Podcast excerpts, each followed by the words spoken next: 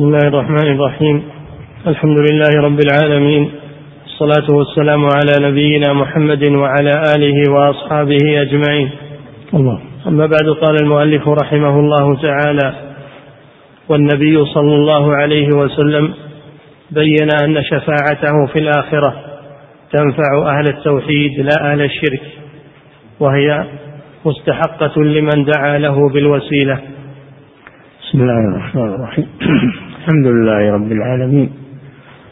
صلى الله وسلم على نبينا محمد وعلى آله وأصحابه أجمعين. هذا رد على الذين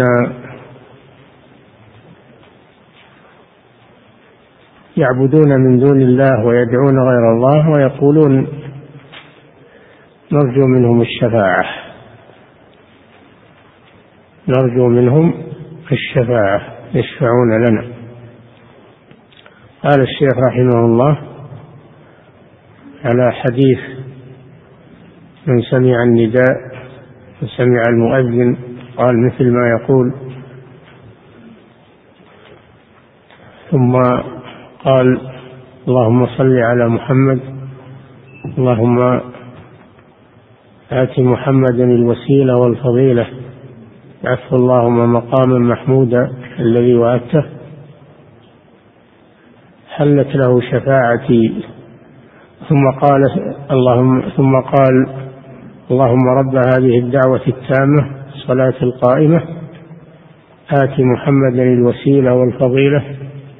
وابعثه مقاما محمودا الذي وعدته. حلت له شفاعتي يوم القيامة. فهذا الحديث يبين أن الشفاعة لأهل التوحيد لأن الذي يجيب المؤذن يأتي بالتوحيد يشهد أن لا إله إلا الله وأن محمدا رسول الله.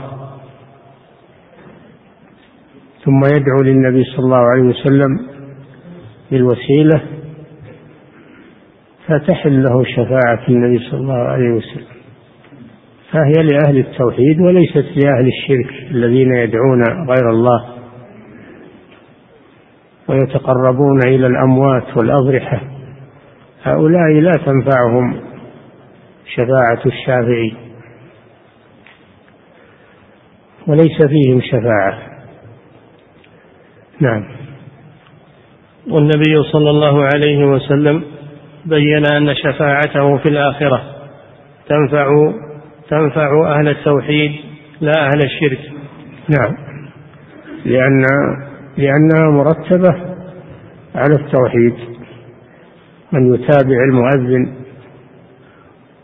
ويقول مثل ما يقول معتقدا ذلك بقلبه عاملا به فهذا موحد. تحل له شفاعة النبي صلى الله عليه وسلم يوم القيامة بإذن الله. وقد تقدم لنا أن الشفاعة لها شرطان. الشرط الأول إذن الله للشافع أن يشفع والشرط الثاني تكون الشفاعة في أهل التوحيد الذين يرضى الله قولهم وعملهم. إلا من بعد أن يأذن الله لمن يشاء ويرضى.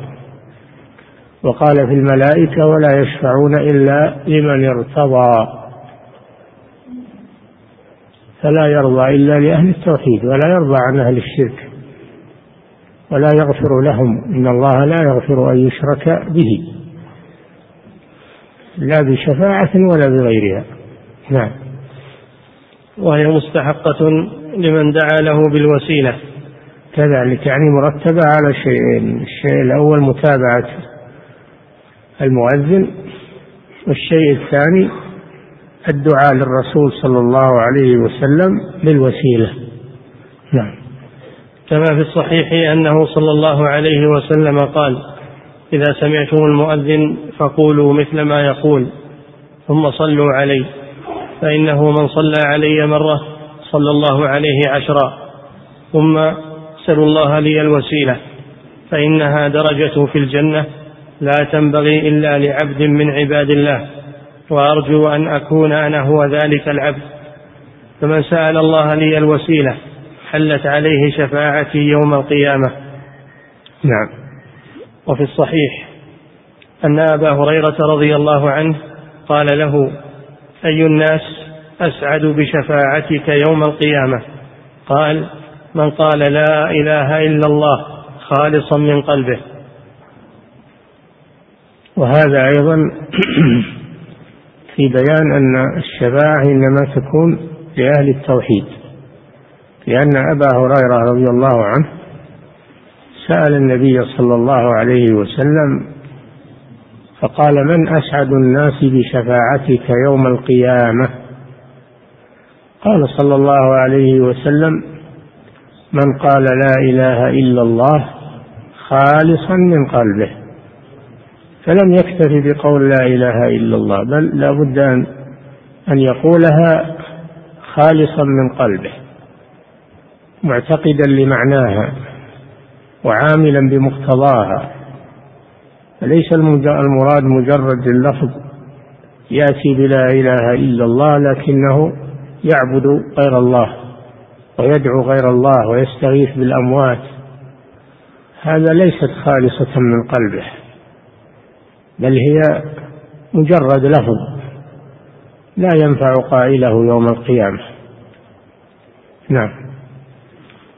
فبين صلى الله عليه وسلم أن أحق الناس بشفاعته يوم القيامة. من كان أعظم توحيدا وإخلاصا. كان؟ من كان أعظم توحيدا وإخلاصا. نعم خالصا من قلبه. نعم. لأن التوحيد جماع الدين. نعم الدين كله مبني على التوحيد. فدين ليس فيه توحيد دين باطل من أساسه. ولو أتعب صاحبه الليل والنهار فهو دين باطل. الله جل وعلا قال ألا لله الدين الخالص والذين اتخذوا من دونه أولياء ما نعبدهم إلا ليقربونا إلى الله زلفى. إن الله يحكم بينهم يوم القيامة فيما فيه يختلفون. إن الله لا يهدي من هو كاذب كفار. الذي ليس عنده دين خالص ويدعو غير الله ويقول هؤلاء يقربونني إلى الله زلفى كاذب. هذا كاذب وكفار أيضا. كاذب كفار. كاذب على الله كفار بتوحيده. سبحانه وتعالى. فمن أين تكون له الشفاعة؟ نعم. لأن التوحيد جماع الدين. نعم. والله لا يغفر أن يشرك به ويغفر ما دون ذلك لمن يشاء. وهذا بنص الآية إن الله لا يغفر أن يشرك به. الشرك لا يغفر. إذا مات صاحبه عليه فإنه لا يغفر. وإنما الذي يغفر له الموحد الذي عنده ذنوب دون الشرك. فإن شاء الله غفر له. إن الله لا يغفر أن يشرك به ويغفر ما دون ذلك لمن يشاء. بهذا القيد إن شاء الله غفر له وإن شاء عذبه بقدر ذنوبه. لكن مآله إلى الجنة بعد التعذيب. نعم. فهو سبحانه وتعالى لا يشفع عنده أحد إلا بإذنه. هذا هذا شرط نعم. فإذا شفع محمد صلى الله عليه وسلم حد له ربه حدا. وهذا يدل حد له حدا هذا يدل على الإذن. أنه ما يشفع في كل أحد وإنما يشفع فيما يحده الله له. فهذا دليل على أنه لا بد من إذن الله سبحانه وتعالى. نعم. فإذا شفع محمد صلى الله عليه وسلم حد له ربه حدا فيدخلهم الجنة. نعم. وذلك بحسب ما يقوم بقلوبهم من التوحيد والإيمان. نعم. يقبل الله شفاعة نبيه صلى الله عليه وسلم ويحد له حدا. يشفع فيهم. لما في قلوبهم من التوحيد والإيمان. وإلا لو لم يكن عندهم توحيد ولا إيمان فإن النبي صلى الله عليه وسلم لا يشفع فيهم ولا تقبل شفاعته فيهم. نعم. وذكر صلى الله عليه وسلم أنه من سأل الله أنه من سأل الله له الوسيلة حلت عليه شفاعته يوم القيامة فبين أن شفاعته تنال باتباعه بما جاء به من التوحيد والإيمان وبالدعاء الذي سن الذي سن لنا أن ندعو له به. نعم. كما ذكرنا أنه تحل الشفاعة في هذا الحديث بأمرين. الأمر الأول أن يسأل أن يسأل الوسيلة للنبي صلى الله عليه وسلم. والأمر الثاني التوحيد وهو متابعة المؤذن في كلمات التوحيد. نعم. وأما السؤال بحق فلان فهو مبني على أصلين. أحدهما ما له من الحق عند الله والثاني هل نسأل الله بذلك كما نسأل بالجاه والحرمة. آه انتقل الآن إلى السؤال بالحق والجاه. حق فلان أو بجاه فلان. يقول مبني على أمرين الأمر الأول هل للمخلوق حق على الله جل وعلا؟ الأمر الثاني إذا كان للمخلوق حق على الله فهل يشرع لنا أن نسأل بحق المخلوق على الله. لا بد من تحقق هذين الأمرين. أن يثبت أن للمخلوق حقا على الله. وأن يشرع لنا أن نسأل الله بذلك. نعم. وأما السؤال بحق, بحق فلان فهو مبني على أصلين. أحدهما ما له من الحق عند الله والثاني هل نسأل الله بذلك؟ كما نسأله بالجاه والحرمة. نعم. أما الأول فمن الناس من يقول للمخلوق على الخالق. المسألة فيها ثلاثة أقوال. هل للمخلوق حق على الله؟ ثلاثة أقوال. القول الأول قول المعتزلة من ذهب مذهبهم في أنه يجب للمخلوق حق على الخالق بالعقل عندهم. بالعقل. يوجبون على الله حقا بالعقل. كما هي عادتهم في في التعنت والمكابرة. فيفرضون على الله حقا لعباده. القول الثاني أنه لا حق للمخلوق مطلقا. وهذا قول جهم والأشاعرة. أنه لا حق للمخلوق مطلقا على الخالق. ولكن الله أخبر أنه أنه أنه يغفر للمذنب فيقع هذا بموجب خبر الله الذي لا يتخلف. لا لأن للمخلوق حقا على الخالق. القول الثالث وهو الصحيح أن للمخلوق حقا على الخالق لكن الله هو الذي تفضل به دون أن يوجبه عليه غير الله جل وعلا فهو حق أوجبه على نفسه سبحانه وتعالى. فلا يقال للمخلوق حق على الخالق مطلقا ولا يقال ليس له حق مطلقا وإنما يقال للمخلوق حق على الخالق أوجبه الله على نفسه ووعد به وهو لا يخلف وعده سبحانه وتعالى. لا أن أحدا أوجب على الله شيئا كما تقوله المعتزلة. فهذا هو القول الحق. ويدل له حديث معاذ الآتي. نعم. أما الأول فمن الناس من يقول للمخلوق على الخالق حق يعلم بالعقل. نعم. وقاس المخلوق على الخالق كما يقول ذلك من يقوله من المعتزلة وغيرهم. نعم. ومن الناس من يقول لا حق للمخلوق على الخالق بحال. مطلقا. لا حق للمخلوق على الخالق مطلقا. نعم. لكن يعلم ما يفعله بحكم يعني لكن, يعني. لكن يعلم ما يفعله بحكم وعده وخبره. أو يعلم لا بس نعم. أو يعلم. نعم. لكن الله أخبر أن أنه يعطي المخلوق ويغفر له وهو لا يخلف وعده وخبره لا يتخلف. لا أن هذا حقا عليه وإنما يفعله بموجب الخبر والوعد الذي وعد به. وهذا عند الأشاعرة والجهمية الذين ينفون الأسباب أن تكون أسبابا. ينفون الأسباب. نعم. كما كما يقول ذلك من يقوله من أتباع جهم والأشعري وغيرهما ممن ينتسب إلى السنة.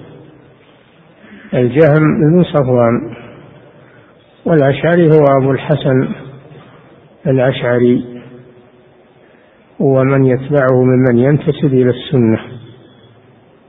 ممن ينتسب إلى السنة. أما الجهم فإنه لا ينتسب إلى السنة وهو عدو السنة. نعم. ومنهم من يقول بل كتب الله على نفسه. هذا القول الثالث وهذا هو الصحيح. نعم. ومنهم ومنهم من يقول بل كتب الله على نفسه الرحمة. نعم. فهو أوجب على نفسه لا أن أحدا أوجب عليه شيئا. كتب ربكم على نفسه الرحمة فهو الذي كتب على نفسه سبحانه وتعالى. وكان وعدا وكان حقا علينا وكان حقا علينا نصر المؤمنين. كان حقا علينا نصر المؤمنين. حق أوجبه على نفسه سبحانه وتعالى.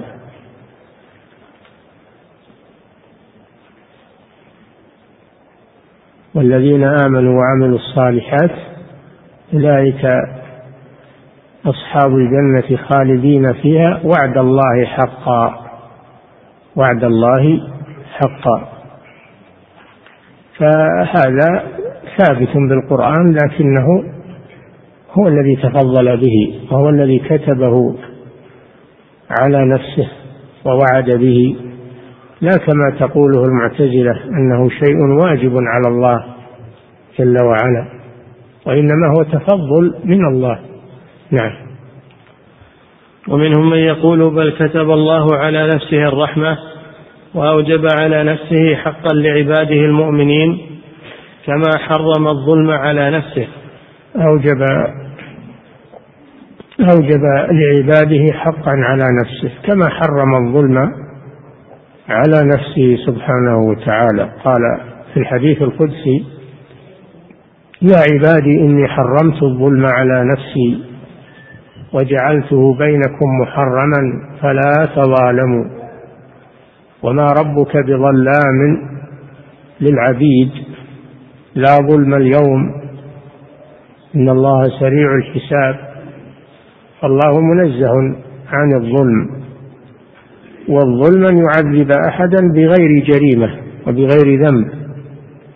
هذا لا يكون من الله سبحانه وتعالى أن يعذب أحدا من غير ذنب من غير سبب. نعم.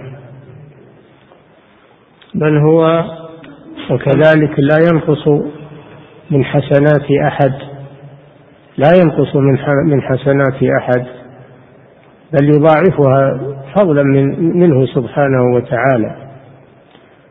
فالأمر راجع إليه سبحانه وتعالى. نعم. وأوجب على نفسه حقا لعباده المؤمنين كما حرم الظلم على نفسه. نعم. لم يوجب ذلك مخلوق عليه ولا يقاس بمخلوقاته. ولا يقاس الرب بمخلوقاته سبحانه من أن الإنسان يوجب على الإنسان حقا له عليه. ما أحد يوجب المخلوق يوجب على المخلوق لكن المخلوق لا يوجب على الخالق لأن هناك فروقا سيذكرها بين الخالق والمخلوق. فلا يقاس فلا يقاس الله جل وعلا بخلقه. نعم. بل هو بحكم رحمته وحكمته وعدله. كتب على نفسه الرحمة بحكم رحمته وحكمته وعدله. كتب على نفسه الرحمة. فهو شيء كتبه الله وعدلا منه سبحانه وفضلا منه وحكمة منه. نعم. بل هو بحكم رحمته وحكمته وعدله كتب على نفسه الرحمة وحرم على نفسه الظلم. نعم. كما في الحديث الصحيح الإلهي. يا عبادي إني حرمت الظلم على نفسي وجعلته بينكم محرما فلا تظالموا. نعم. حديث أبي ذر المشهور الحديث العظيم القدسي ومنه هذه الجملة. يقول الله جل وعلا يا عبادي إني حرمت الظلم على نفسي وجعلته بينكم محرما فلا تظالموا. نعم. وقال الله تعالى كتب ربكم على نفسه الرحمة. وإذا جاءك الذين يؤمنون بآياتنا فقل سلام عليكم. كتب ربكم على نفسه الرحمة أنه من عمل منكم سوءا بجهالة ثم تاب من بعده وأصلح فأنه غفور رحيم. هذا شيء أوجبه سبحانه على نفسه فضلا منه وإحسانا منه سبحانه ورحمة بعباده. نعم. وقال تعالى وكان حقا علينا نصر المؤمنين. نعم. فانتقمنا فانتقمنا من الذين أجرموا وكان حقا علينا نصر المؤمنين. فرتب الانتقام على الإجرام. شوف على الأعمال. رتب الانتقام على الإجرام. ورتب النصر على الإيمان. كان حقا علينا نصر المؤمنين. نعم. وفي الصحيحين عن معاذ عن معاذ رضي الله عنه عن النبي صلى الله عليه وسلم أنه قال يا معاذ أتدري ما حق الله على عباده؟ قلت الله ورسوله أعلم. قال حقه عليهم أن يعبدوه ولا يشركوا به شيئا. يا معاذ أتدري ما حق العباد على الله إذا فعلوا ذلك؟ قال حقهم عليه ألا يعذبهم. نعم هذا حديث معاذ رضي الله عنه. قال كنت رديف النبي صلى الله عليه وسلم على حمار. فقال يا معاذ. فقلت لبيك وسعديك. يا رسول الله. ثم قال يا معاذ قلت لبيك وسعديك يا رسول الله. فقال يا معاذ أتدري ما حق العباد؟ ما حق الله على العباد؟ وما حق العباد على الله؟ قلت الله ورسوله أعلم. قال حق الله على العباد أن يعبدوه ولا يشركوا به شيئا. يعني هذا هو الذي خلقهم الله من أجله واعبدوا الله ولا تشركوا به شيئا وما خلقت الجن والإنس إلا ليعبدون. هذا حق الله على عباده وهو أول الحقوق هو أول الحقوق على الإطلاق وأوجب الواجبات وأعظم ما أمر الله به. فالتوحيد هو أعظم ما أمر الله به وهو أول الحقوق وأوجب الواجبات. أن يعبدوه ولم يقتصر على قوله أن يعبدوه بل قال ولا يشركوا به شيئا لأن العبادة لا تنفع مع وجود الشرك. الشرك يبطلها. ولو عبد الله الليل والنهار لكنه يدعو غير الله ويذبح لغير الله وينذر لغير الله فعبادته هباء منثور لا تنفعه شيئا. حتى يخلصها من الشرك. حتى يخلصها من الشرك الأكبر والأصغر. والشرك يحبط العمل ويبطله. أن يعبدوه ولا يشركوا به شيئا. هذا حق الله على عباده وهو حق واجب وفرض. وحق العباد على الله وهذا حق تفضل الله به وليس واجبا عليه سبحانه. وحق العباد على الله أن لا يعذب من لا يشرك به شيئا. هذا من باب الوعد الكريم من الله جل وعلا. أنه لا يعذب من لا يشرك به شيئا وهذا راجع إلى مشيئة الله كما في الحديث كما في الآية الأخرى. إن الله لا يغفر أن يشرك به ويغفر ما دون ذلك لمن يشاء. فهو راجع إلى مشيئته فقد يعذبه وقد لا يعذبه. وإذا عذبه فإنه لا يخلده في العذاب بل يخرجه ويدخله الجنة بالتوحيد الذي معه أن لا يعذب من لا يشرك به شيئا. وهذا حديث مطلق يقيد بالنصوص الأخرى أن هذا راجع إلى مشيئة الله سبحانه وتعالى. أن لا يعذب من لا يشرك به شيئا. فقال معاذ هل أخبر الناس يا رسول الله؟ أو هل أبشر الناس يا رسول الله؟ قال لا تبشرهم فيتكلوا فهذا فيه دليل على أن بعض أنواع العلم لا تنشر في الناس وإنما وإنما يطلع عليها العلماء فقط. الرسول صلى الله عليه وسلم إنما أطلع معاذا رضي الله عنه. على هذا ونهاه أن يخبر به الناس. مخافة أن يتكلوا على هذا فيتركوا الأعمال ويتساهلوا في الذنوب والسيئات.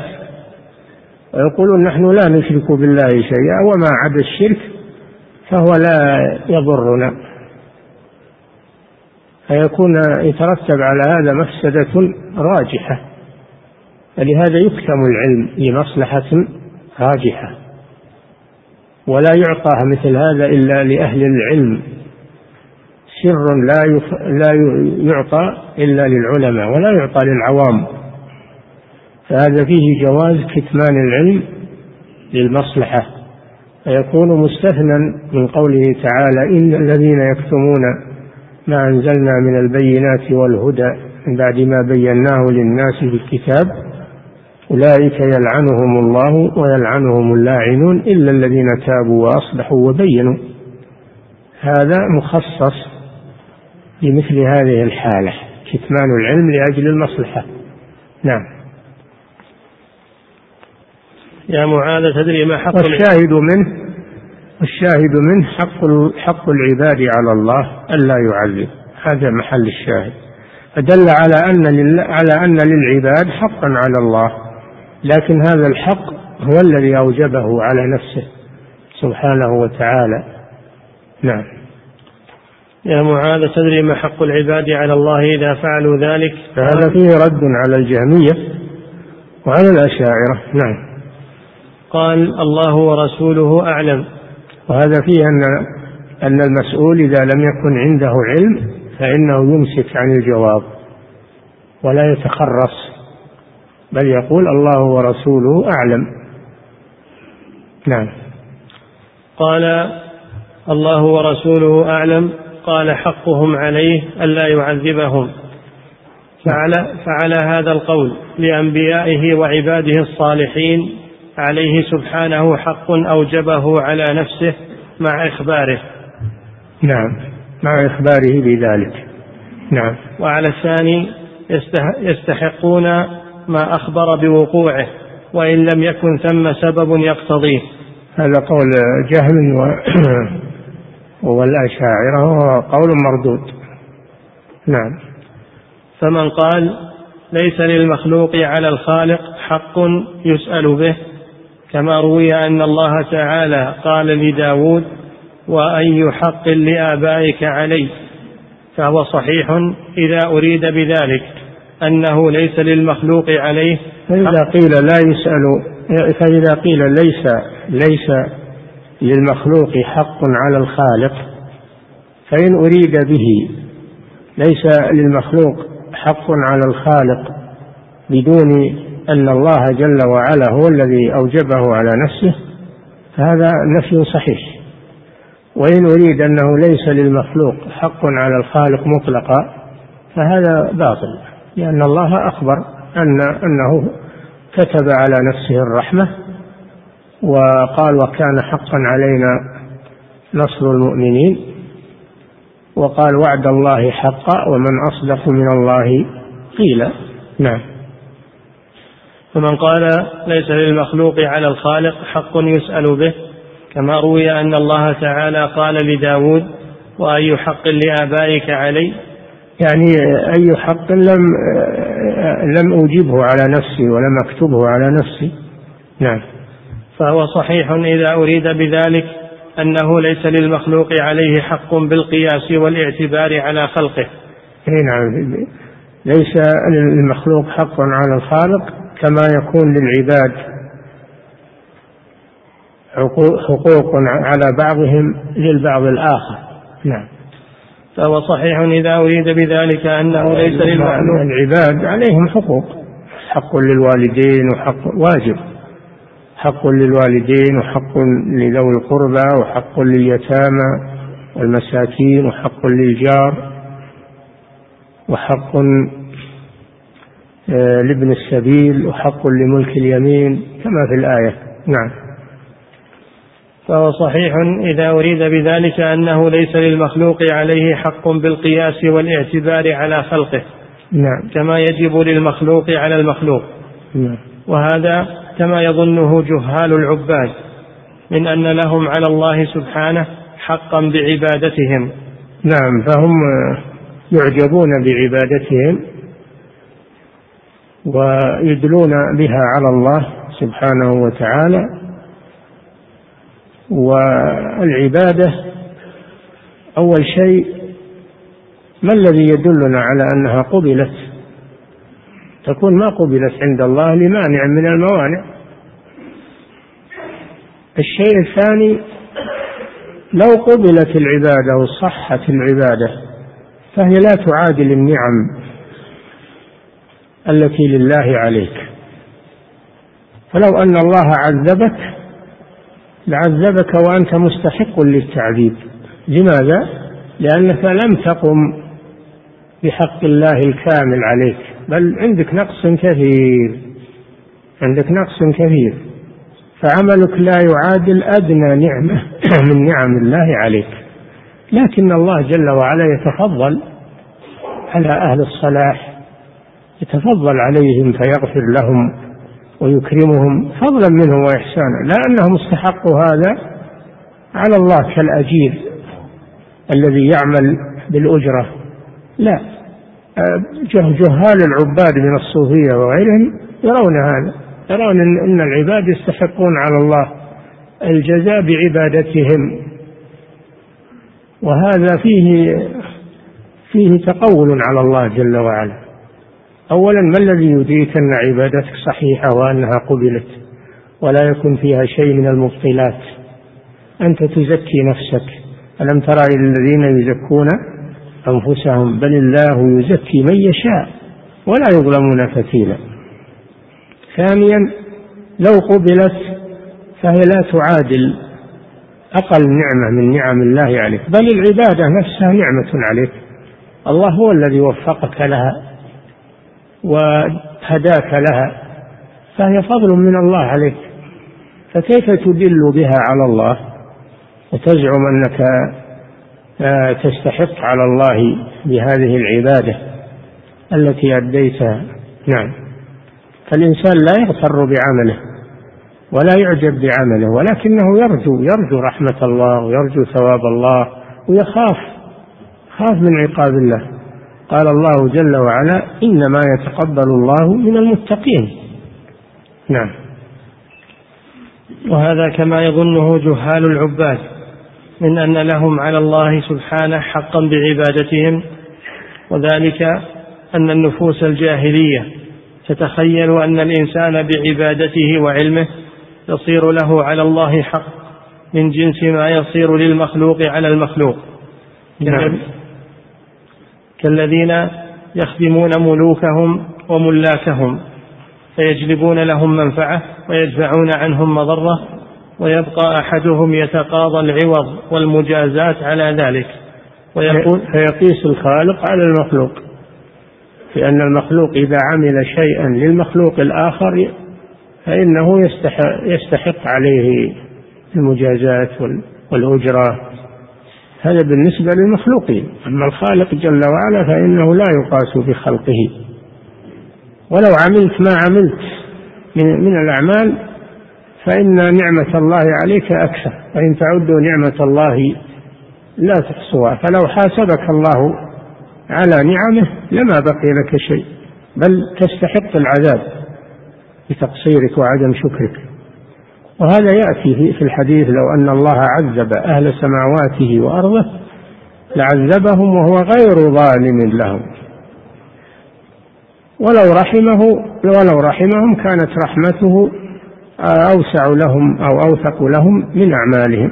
نعم. ويبقى أحدهم يتقاضى العوض والمجازاة على ذلك ويقول يعني من بعضهم البعض. نعم. ويقول له عند جفاء أو إعراض يراه منه ألم أفعل كذا؟ يمن عليه بما يفعله معه وإن لم يقله بلسانه كان ذلك في نفسه. هذا تجده بين الناس. إذا لم يعطه أجرته أو لم يعطه مقابل عمله خدمته فإنه يتمنن عليه ويقول أنا عملت كذا وعملت كذا ولم تعطني ولم هذا شيء في النفوس. ولو لم يتكلم فهو في نفسه يجد في نفسه. نعم. وتخيل مثل هذا في حق الله تعالى من جهل الإنسان وظلمه.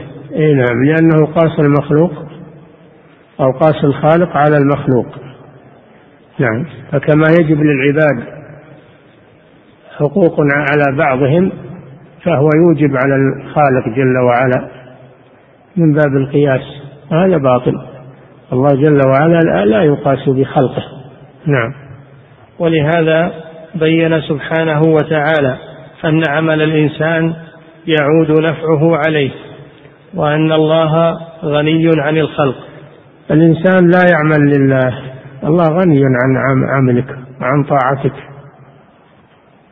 غني عنك. إن تكفروا أنتم ومن في الأرض جميعا فإن الله غني حميد.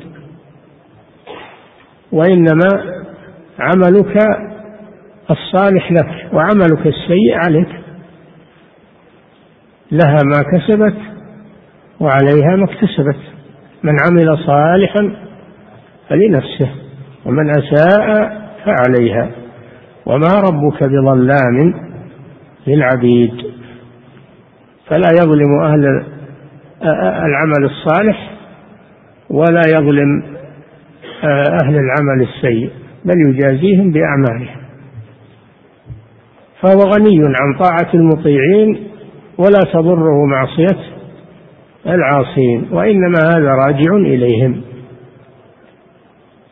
فلا تظن أن الله حين أمر العباد بطاعته وعبادته أن الله محتاج إلى هذا وإنما هم المحتاجون إلى ذلك.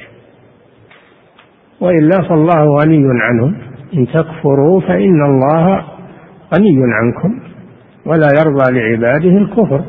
وإن تشكروا يرضى لكم ولا تزر وازرة وزر أخرى. ثم إلى ربكم مرجعكم فينبئكم بما كنتم بما كنتم تعملون. إنه عليم بذات الصدور. فالأعمال لأصحابها خيرا أو شرا. والله جل وعلا لا تنفعه الأعمال ولا تضره المعاصي. نعم. ولهذا بين سبحانه أن عمل الإنسان يعود نفعه عليه وأن الله غني عن الخلق كما في قوله تعالى إن أحسنتم أحسنتم لأنفسكم وإن أسأتم فلها. نعم. وقوله تعالى من عمل صالحا فلنفسه ومن أساء فعليها وما ربك بظلام للعبيد. هذا كثير في القرآن أن عمل الإنسان له نفعه أو ضرره. وأما الله جل وعلا فإنه لا ينتفع بعمله ولا يتضرر بمعصيته لأنه غني عن عباده. نعم. وقول الله تعالى إن تكفروا فإن الله غني عنكم ولا يرضى لعباده الكفر وإن تشكروا يرضه لكم. نعم. وقوله تعالى ومن شكر فإنما يشكر لنفسه ومن كفر فإن ربي غني كريم. من شكر الله جل وعلا فإنما يشكر لنفسه ثواب ذلك له. ومن كفر فإن الله غني حميد. لا يضره كفر الكافر نعم والجاحد نعم. وقال تعالى في قصة موسى عليه السلام لئن شكرتم لأزيدنكم ولئن كفرتم إن عذابي لشديد. وقال موسى إن تكفروا أنتم ومن في الأرض جميعا فإن الله لغني حميد. نعم. وقال تعالى عن موسى. نعم. وقال تعالى في قصة موسى عليه السلام لئن شكرتم لأزيدنكم نعم. ولئن كفرتم إن عذابي لشديد. وقال موسى لئن شكرتم وقال رب وإذ تأذن ربكم لئن شكرتم لأزيدنكم ولئن كفرتم إن عذابي لشديد. وقال موسى إن تكفروا أنتم ومن في الأرض جميعا فإن الله غني حميد. نعم. وقال تعالى ولا يحزنك الذين يسارعون في الكفر إنهم لن يضروا الله شيئا. ولا يحزنك الذين يسارعون في الكفر إنهم لن يضروا الله شيئا. إنما يضرون أنفسهم. ولو تسارعوا إلى الكفر وتسابقوا إليه فإنهم لا يضروا إلا أنفسهم. وأما الله جل وعلا فإنه لا يتضرر بذلك. فملكه تام سبحانه وتعالى وغناه تام بدون أعمال العباد. نعم. وقال تعالى ولله على الناس حج البيت من استطاع إليه سبيلا ومن كفر فإن الله غني عن العالمين. ولله على الناس حج البيت. إن أول بيت وضع للناس للذي ببكة مباركا وهدى للعالمين. فيه آيات بينات. مقام إبراهيم ومن دخله كان آمنا. ولله على الناس حج البيت. من استطاع إليه سبيلا. لله على الناس حق أن يحجوا بيته كل سنة. بالنسبة لعموم المسلمين. فحج البيت كل سنة فرض كفاية. لا يترك الحج في بعض السنين. من غير عذر شرعي لا بد أن يحج البيت. فرض كفاية. أما الحج الذي هو ركن من أركان الإسلام فهذا على المستطيع من استطاع إليه سبيلا. هذا على المستطيع. مرة واحدة في العمر وما زاد فهو تطوع. الشاهد في قوله ومن كفر فإن الله غني عن العالمين. عن جميع العالم. كفرهم لا يضر الله. لو كفر الناس جميعا وجميع العالم لم يضر الله شيئا. ولو شكروه كلهم ما زاد ذلك في ملكه شيئا. كما في الحديث القدسي يا عبادي إنكم لم تبلغوا لن تبلغوا ضري فتضروني ولن تبلغوا نفعي فتنفعوني. يا عبادي لو أن أولكم وآخركم وإنسكم وجنكم كانوا على أتقى قلب رجل واحد منكم ما زاد ذلك في ملكي شيئا. ولو أن أولكم وآخركم وإنسكم وجنكم كانوا على أفجر قلب واحد منكم ما نقص ذلك من ملكي شيئا. نعم. وقد بين وقد بين سبحانه أنه المان بالعمل. أنه المان بالعمل. أنه هو المان بالعمل على عباده لا أنهم هم الذين يمنون على الله بأعمالهم فالله بل الله يمن عليكم يمنون عليك أن أسلموا. قل لا تمنوا علي إسلامكم بل الله يمن على من يشاء من عباده. بل الله يمن عليكم أن هداكم للإيمان. إن كنتم صادقين فهو منة من الله جل وعلا عليكم. تفضل منه سبحانه وتعالى. يجب أن نشكر على ذلك. ولكن الله يمن على من يشاء من عباده. ولكن الله يمن على من يشاء من عباده. نعم. وقد بين سبحانه أنه المان بالعمل فقال تعالى يمنون عليك أن أسلموا. قل لا تمنوا علي إسلامكم بل الله يمن عليكم أن هداكم للإيمان إن كنتم صادقين. الأعراب لما جاءوا إلى الرسول صلى الله عليه وسلم وأساءوا الأدب معه ونادوه من وراء الحجرات وقالوا إنا جئنا وآمنا بك وإنا وإنا يعددون تفضلاتهم على الرسول صلى الله عليه وسلم الله رد عليهم يمنون عليك أن أسلموا؟ قل لا تمنوا علي إسلامكم بل الله يمن عليكم أن هداكم للإيمان إن كنتم صادقين. أهل الجنة يقولون لولا من, من الله علينا فمن الله علينا فمن الله علينا ووقانا عذاب السموم. أقبل بعضهم على بعض يتساءلون قالوا إنا كنا قبل في أهلنا مشفقين فمن الله علينا ووقانا عذاب السموم. إنا كنا من قبل ندعوه إنه هو البر الرحيم. نعم. فالمنة لله على عباده. نعم. بل الله يمن عليكم أن هداكم للإيمان إن كنتم صادقين. وقال تعالى واعلموا أن فيكم رسول الله. لو يطيعكم في كثير من الأمر لعنتم. ولكن الله حبب إليكم الإيمان وزينه في قلوبكم وكره إليكم الكفر والفسوق والعصيان. أولئك هم الراشدون. فضلا من الله ونعمة. والله عليم حكيم. الشاهد في قوله ولكن الله حبب إليكم الإيمان وزينه في قلوبكم.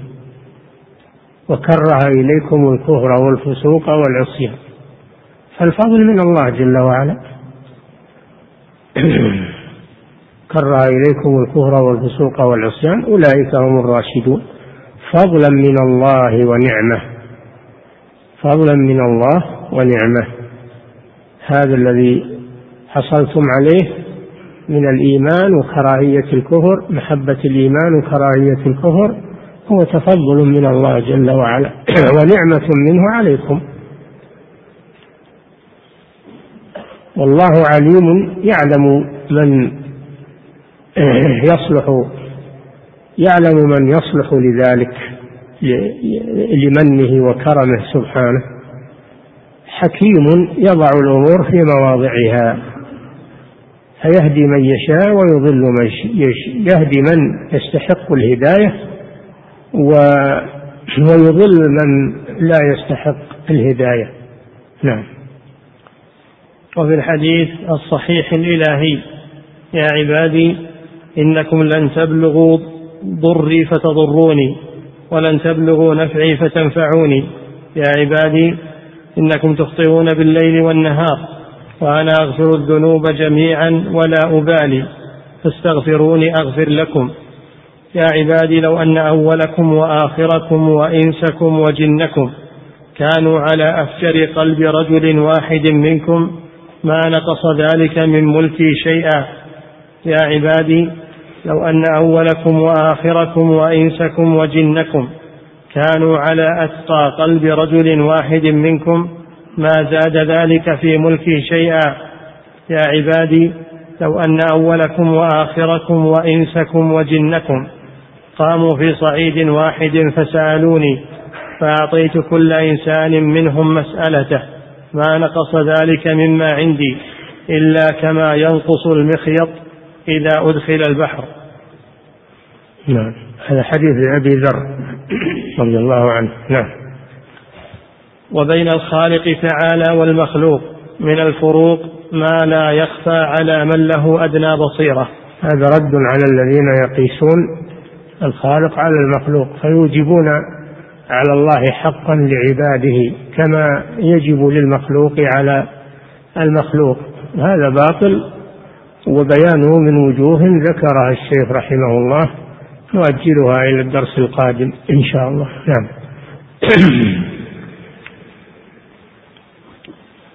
يقول فضيلة الشيخ وفقكم الله بعض الناس يقول أسألك يا الله بفضل هذه الليلة. فما حكم هذا القول؟ نعم. بعض الناس يقول أسألك يا الله بفضل هذه الليلة. لا ما هذا توسل إلى الله بالمخلوق. لا يجوز هذا. نعم. يقول فضيلة الشيخ وفقكم الله سمعت من بعض الشباب يقول لصديقه أتوسل إليك بحق صحبتي. فما حكم هذا القول إذا كان يقوله لصاحبه؟ هذا بينهم بين الناس. هذا بين الناس ما ما في شيء. إنما الممنوع بين العبد وبين ربه. نعم. أن يقول أسألك بحق كذا أو به أما الناس فيما بينهم هذا فيه شيء. نعم. يقول فضيلة الشيخ وفقكم الله إذا سئلت عن مسألة فأيهما أصح أن أقول الله أعلم أم الله ورسوله أعلم إذا كنت لا أعرفها. في حياة النبي صلى الله عليه وسلم يقال الله ورسوله أعلم. أما بعد وفاة النبي صلى الله عليه وسلم فإنه يقال الله أعلم. فقط. نعم. يقول فضيلة الشيخ وفقكم الله هل الإقسام على الله فيه اعتقاد من العبد على أن له عند الله حقا وهو أن يجيبه؟ فهل هذا داخل تحت النهي من أن العبد يدلي بعمله على ربه هذا من باب حسن الظن بالله. ما هو من باب الإدلاء بحق العبد على الله وإنما هو من باب حسن الظن بالله عز وجل. نعم. يقول فضيلة الشيخ وفقكم الله في قول الله تعالى إن الشرك لظلم عظيم. ما معنى الشرك في هذه الآية؟ هل هو الأكبر فقط أم الشرك الأكبر والأصغر؟ يشمل يشمل الشرك الأكبر والأصغر. لكن يتفاوت الشرك الأصغر أخف من الشرك الأكبر في الوجوه. وإلا يعم. لو اللفظ عام فهو ظلم نوع من الظلم. الشرك الأصغر نوع من الظلم. نعم. يقول فضيلة الشيخ وفقكم الله ذكرتم حفظكم الله في حديث معاذ قول الرسول صلى الله عليه وسلم ألا يعذب من لا يشرك به شيئا. وقلتم إن هذا مقيد بالمشيئة فما معنى هذه هذا التقييد؟ نعم ليس على إطلاقه أن الله لا يعذب من لا يشرك به شيئا. قد يعذبه بذنوبه قد يعذبه بذنوبه بقدر ذنوبه ثم آه، بعد ذلك يدخله الجنة. لورود الأحاديث في ذلك والآيات. المشيئة. إن الله لا يغفر أن يشرك به ويغفر ما دون ذلك لمن يشاء. الحديث مطلق والآية مقيدة. نعم. يقول فضيلة الشيخ وفقكم الله والأدلة يرد بعضها إلى بعض ويجمع بينها ولا يؤخذ طرف ويترك الطرف الآخر وهذا يحتاج إلى علم وإلى فقه وإلى بصيرة. نعم. يقول فضيلة الشيخ وفقكم الله رجل دعا الله سبحانه وتعالى ثم قال في آخر دعائه اللهم تقبل دعائي هذا بجاه النبي صلى الله عليه وسلم. هذا لا يجوز السؤال بالجاه لا يجوز أبدا ولم يرد به دليل. وإن كان الأنبياء لهم جاه عند الله لكن لم يشرع لنا السؤال بجاههم. نعم.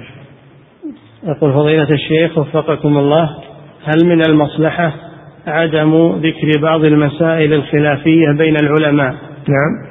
يقول هل من المصلحة عدم ذكر بعض المسائل الخلافية بين العلماء عند عامة الناس كمسألة اختلاف العلماء في وجوب صلاة الجماعة أو غيرها من المسائل؟ نعم. ذكر الخلاف بين العلماء من باب البحث بين العلماء وطلبة العلم لا بأس به لأجل التوصل إلى الحق. أما ذكره للعوام هذا ما يجوز يعني يصبح مما يحيرهم أو يضعف الأمر عندهم ويلخبط عليهم أمرهم. فلا يجوز ذكر الخلاف عند العوام خصوصا في الإذاعة والتلفاز الذي ينتشر على الناس لا يذكر الخلاف. إنما المسؤول يجيب بالذي يراه هو الصحيح أو هو الراجح ويترك الخلاف. لأن هذا يشوش على الناس. نعم. يقول فضيلة الشيخ وفقكم الله الدعاء الوارد يا حي يا قيوم برحمتك أستغيث. كيف نجمع بينه وبين النهي عن دعاء الصفة؟ هذا ما هو بدعاء للصفة يا أخي هذا توسل بالصفة هذا توسل بالصفة. مثل أسأله, أسأله بأسمائه وصفاته بأسمائه هذا توسل بالأسماء والصفات. الرحمة من صفاته سبحانه هو توسل بالصفة. وليس دعاء الله ما قال يا رحمة الله ما قال يا رحمة الله يكون دعاء للصفة. نعم. يقول فضيلة الشيخ وفقكم الله طلب الشفاعة من الرسول صلى الله عليه وسلم بعد موته. هل يعتبر من الشرك الأكبر؟ لا يطلب من الميت شيء لا الرسول ولا غيره. لا يطلب من الميت شيء لأن الميت ميت انقطع عمله. لكن يدعى له ويطلب له من الله المغفرة والرحمة. ويتصدق عنه هو الذي بحاجة. أما أنه يطلب من الميت شيء هذا لا يجوز. نعم. يقول فضيلة الشيخ وفقكم الله من قاس المخلوق على الخالق هل يكفر بذلك القياس؟ إذا كان عالما بذلك هو يكفر أما إذا كان جاهلا فيبين له إن هذا أمر باطل ولا يجوز فإن أصر ولم يمتثل يحكم عليه بالكفر لأنه لم ي... لأنه سوى بين الله سوى بين الله وخلقه. تنقص الله سبحانه وتعالى. نعم. يقول فضيلة الشيخ وفقكم الله في قول القائل أنا داخل على الله ثم على والدي فهل في هذا القول شيء سواء كان الوالدين أحياء أو أموات؟ ما يقال هذا إلا عند الحاضر. إذا كان والداه حاضرين لا بأس. أما إن كان ميتين أو غائبين فلا. لا يقال هذا إلا لمن هو حي حاضر. نعم. يقول فضيلة الشيخ وفقكم الله من اغتاب رجلا ثم ندم وجاء ليتحلل منه فرفض إلا أن يعطيه مبلغا من المال فهل يلزمه دفع ذلك المبلغ؟ إن أراد أنه يسامحه نعم يعطيه. إن أراد أنه يسامحه يعطيه من المال والمال أخف من العذاب يوم القيامة ومن القصاص. نعم. يقول فضيلة الشيخ وفقكم الله هل يصح هذا الأثر والذي فيه أن هناك ملك ساجد لله؟ أن أن هناك ملكا ساجدا لله منذ أن خلقه الله فإذا رفع رأسه يوم البعث قال سبحانك ما عبدناك حق عبادتك وذلك إذا رأى الله سبحانه. هل هذا أثر صحيح؟ والله لا أعرف هذا لكن الملائكة الملائكة مع شدة كثرة عبادتهم يقولون سبحانك ما عبدناك حق عبادتك. نعم.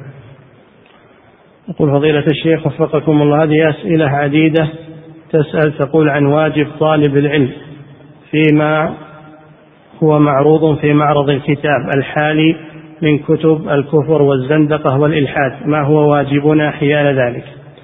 قال صلى الله عليه وسلم من رأى منكم منكرا فليغيره بيده فإن لم يستطع فبلسانه فإن لم يستطع فبقلبه.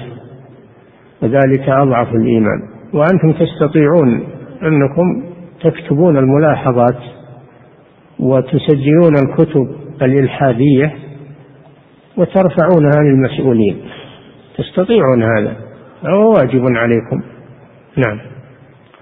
يقول فضيلة الشيخ وفقكم الله ما حكم قول القائل أسألك بحق كلمات القرآن أو بحق القرآن؟ القرآن من صفات الله لأنه كلام الله عز وجل لكن لا تقول بحق. لا أسألك بالقرآن بكلام الله عز وجل توسل إلى الله. نعم.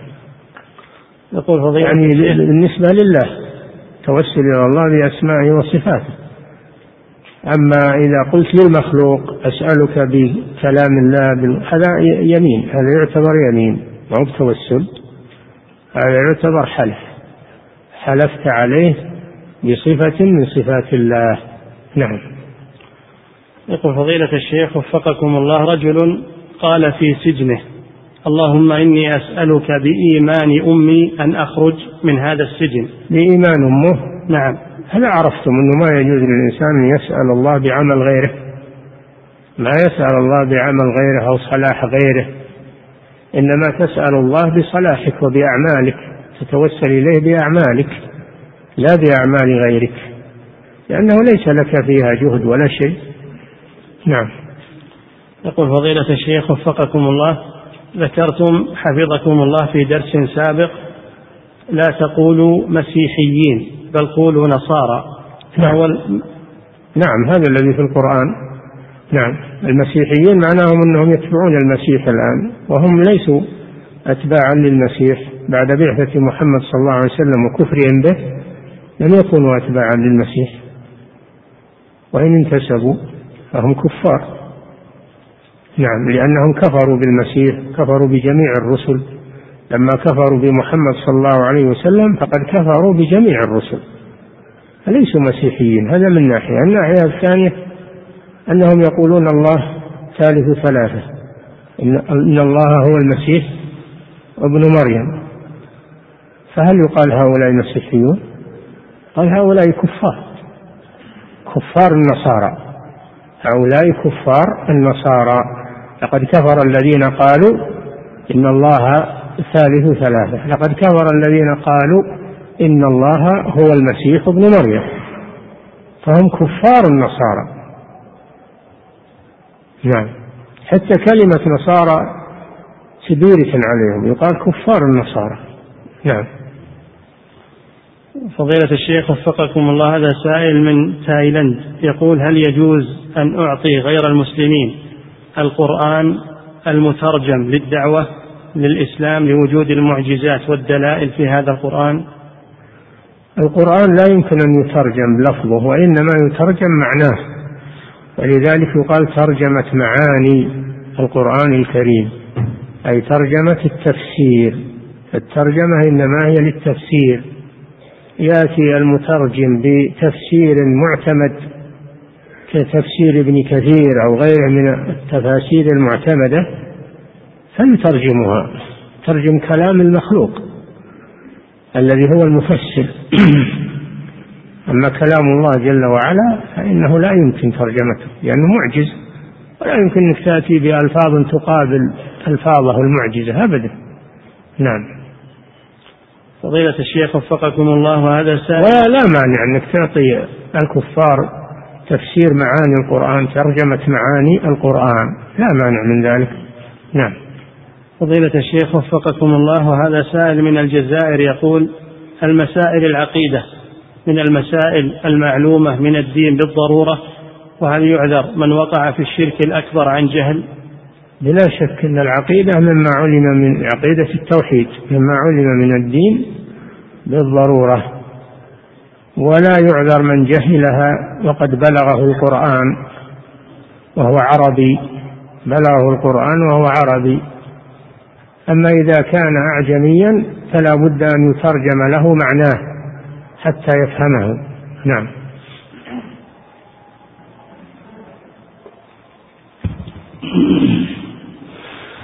الله أكبر الله أكبر الله أكبر الله أكبر. أشهد أن لا إله إلا الله. أشهد أن لا إله إلا الله. أشهد أن محمد رسول الله. أشهد أن محمد رسول الله. حي على الصلاة. حي على الصلاة. حي على الفلاح. حي على الفلاح. الله أكبر الله أكبر لا إله إلا الله.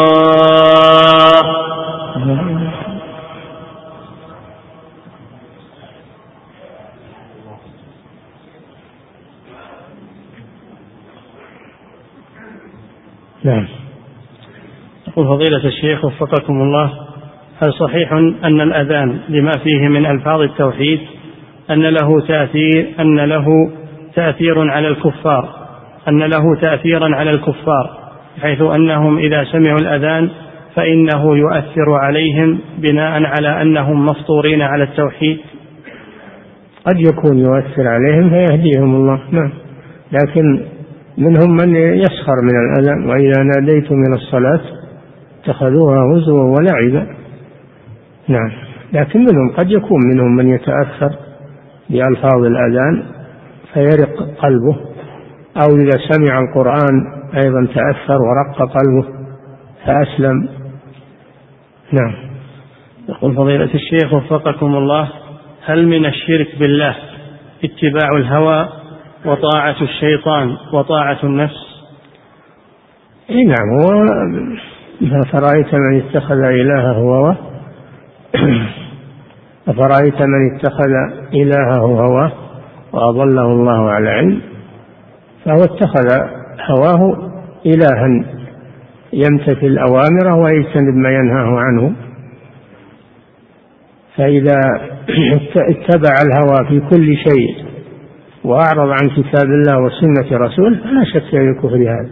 أما إذا تبع الهوى في بعض الأمور أو في بعض الأشياء فهذا عاص لله عز وجل لكن لا يعتبر كافرا لأن قل منا من يسلم أو الله أعلم ما أحد يسلم من اتباع شيء من الهوى لكن نستغفر الله ونتوب إليه.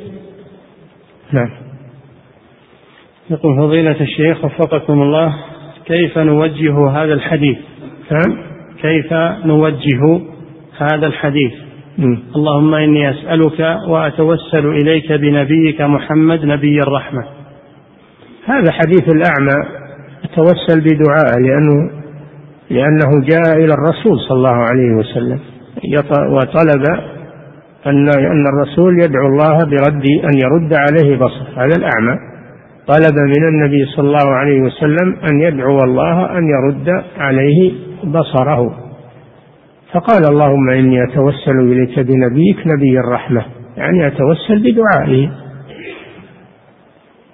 أما حديث العتبي الذي جاء إلى الرسول في قبره وتوسل به هذا باطل هذا حديث باطل ليس له سند بل هو حديث باطل لا يثبت وهو حكاية باطلة. نعم. ما ما نقول حديث نقول حكاية باطلة.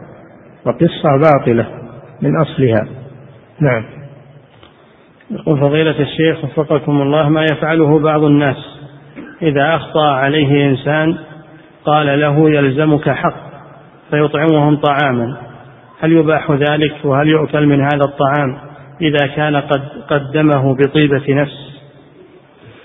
تقول إنه ملزمه به إذا ألزمه به ما يجوز ما ما يحل. أما إذا قدمه بطيبة نفس فلا مانع من ذلك من غير إلزام. نعم. يقول فضيلة الشيخ وفقكم الله أصحاب الرسول صلى الله عليه وسلم هم المهاجرون والأنصار فهل هناك نوع ثالث من أصحاب الرسول صلى الله عليه وسلم؟ كل من لقي النبي صلى الله عليه وسلم مؤمنا به. كل من لقي النبي صلى الله عليه وسلم مؤمنا به ومات على ذلك فهو صحابي. سواء من المهاجرين أو من الأنصار أو من غيرهم. الضابط هو هذا. هذا تعريف الصحابي عند العلماء. من لقي النبي صلى الله عليه وسلم مؤمنا به ومات على ذلك. نعم. يقول فضيلة الشيخ وفقكم الله المذي إذا أصاب الثوب ما حكمه؟ حكمه أنه نجس لكن نجاسة مخففة يكفي فيها النضح ينضحها بالماء نعم.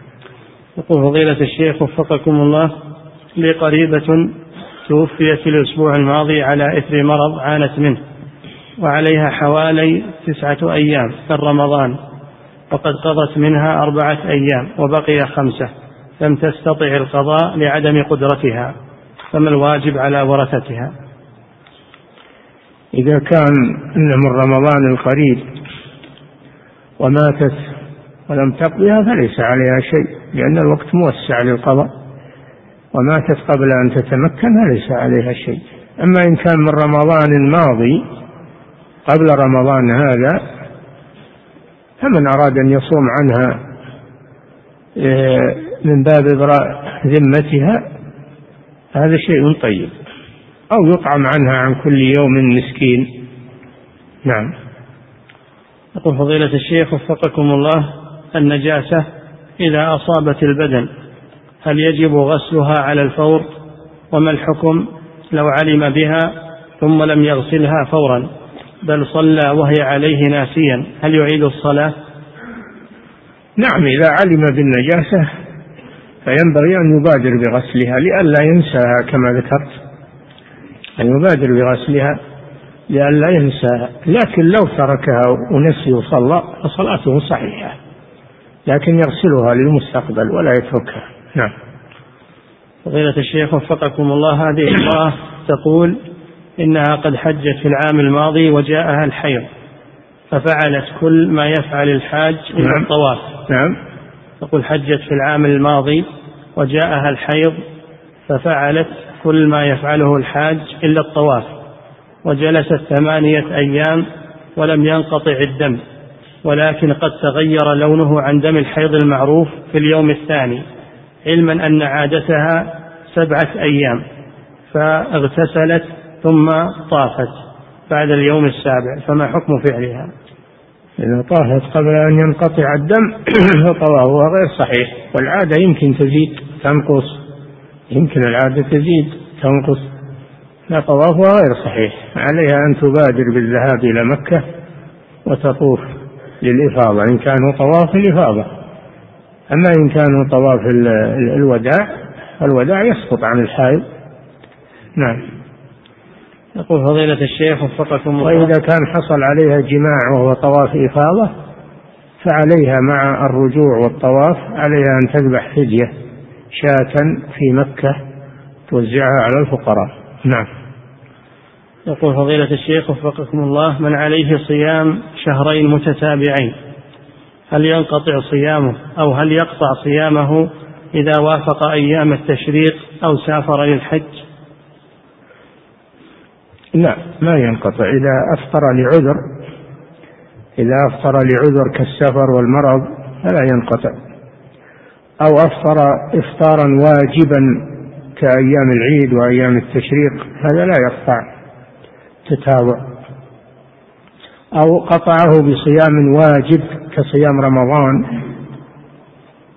تخلل صيام رمضان وصام رمضان هذا لا يقطع التتابع. التتابع لا يقطعه. صيام واجب ولا فطر واجب ولا عذر من أعذار الإفطار التي أباح الله الإفطار فيها كالمرض والسفر. نعم. يقول فضيلة الشيخ وفقكم الله هل هناك نوع من أنواع التوسل يسمى التوسل إلى الله بذكر الحال؟ نعم. إظهار الفقر قال أيوب عليه السلام إني مسني الضر وأنت أرحم الراحمين.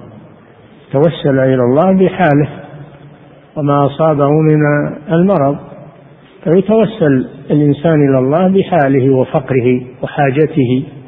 إلى الله عز وجل. نعم. يقول فضيلة الشيخ وفقكم الله هذا سائل يقول أعمل موظف استقبال في مكتب للاستفسارات النفسية ويباع في هذا المكتب كتب فلسفية وأقوم باستقبال الطلبات وبيع هذه الكتب الفلسفية فهل عملي مباح؟ ما أدري عن هذه الكتب لازم تفحص ويشاف هل هي سليمة أو ما هي سليمة؟ أما أنك تبيع كتب كذا بدون فحص وبدون آه، تقرير من العلماء فلا تبع. نعم. قد يكون فيها خرافات قد يكون فيها شيء من المحرمات. نعم. فضيلة الشيخ وفقكم الله هذا سائل من بلاد المغرب يقول يوجد عندنا في المساجد جهاز تلفاز ودش في المساجد الكبار. نعم. يقول عندنا في المغرب في المساجد الكبار يوضع جهاز تلفاز ودش وذلك ليتمكن الناس من متابعة برامج التوجيه الديني عبر قناة القرآن الكريم وتسمى قناة محمد السادس في القرآن. ويبث في هذه القناة الابتهالات والبرامج الوثائقية وتظهر فيها النساء. سؤاله ما حكم صلاتنا في هذه المساجد التي فيها هذه الأجهزة؟ روحوا للمساجد الأخرى اسلموا منها.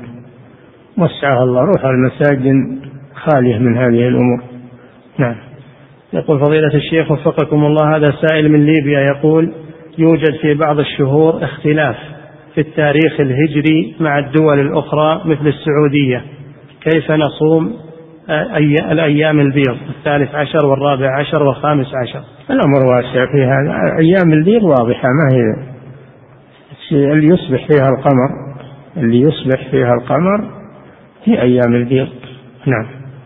يقول فضيلة الشيخ وفقكم الله لي زميل في العمل يقوم بالتدخين فهل كلما رأيته يدخن أنكر عليه ذلك أم يكفي إنكار واحد؟ ما دام أنه لا يقبل النصيحة فالأحسن تنتقل إلى مكتب آخر. تنتقل إلى مكتب آخر وتبعد عنه. نعم. يقول فضيلة الشيخ وفقكم الله إذا قام إنسان بتسديد رسوم الجوازات إذا قام. إذا قام إنسان بتسديد رسوم الجوازات من حسابه الخاص لشخص آخر وأخذ أجرة على هذا العمل فما حكم تلك الأجرة؟ وهل تعتبر من الربا؟ هذه ما هي بأجرة هذا ربا هذا قرض. دفع نيابة عنه دفع ما يلزمه نيابة عنه واسترده بزيادة هذا ربا صريح. نعم. يقول فضيلة الشيخ وفقكم الله وجدت عند إحدى قريباتي مسبحة يبلغ طولها أكثر من الأجرة لو أخذت الفلوس منه لو أخذت الفلوس منه ورحت به ودفعتها وأخذت الإيصال عليها فلوسه هو أما أنك تدفع من مالك وتأخذ زيادة هذا ربا. نعم. يقول فضيلة الشيخ وفقكم الله وجدت عند إحدى قريباتي مسبحة يبلغ طولها أكثر من مترين وفيها أكثر من ألفي خرزة وتدعي أنها تقوم بالتسبيح بها لرغبتها في الإكثار من التسبيح فهل فعلها صحيح؟ هذا فعل الصوفية هذه شعار الصوفية مسابح الصوفية انصح انصح عن هذا العمل وقل سبحي بالأصابع ردي التسبيح بأصابعك هذا الذي ينبغي لك ولا تتشبهي بالصوفية هذه المسابح الغليظة. نعم. فضيلة الشيخ وفقكم الله أسئلة عديدة تقول إن هناك إعلان في الصحف عن أنه سيحصل كسوف للقمر في هذه الليلة في آخر الليل. يقولون هل نصليها وهل نستيقظ وننتظر هذا الكسوف؟ إذا رأيتم بأعينكم إذا رأيتم بأعينكم الكسوف فصلوا. أما أن تعتمدوا على الصحف قبل أن تروه لا ما يجوز.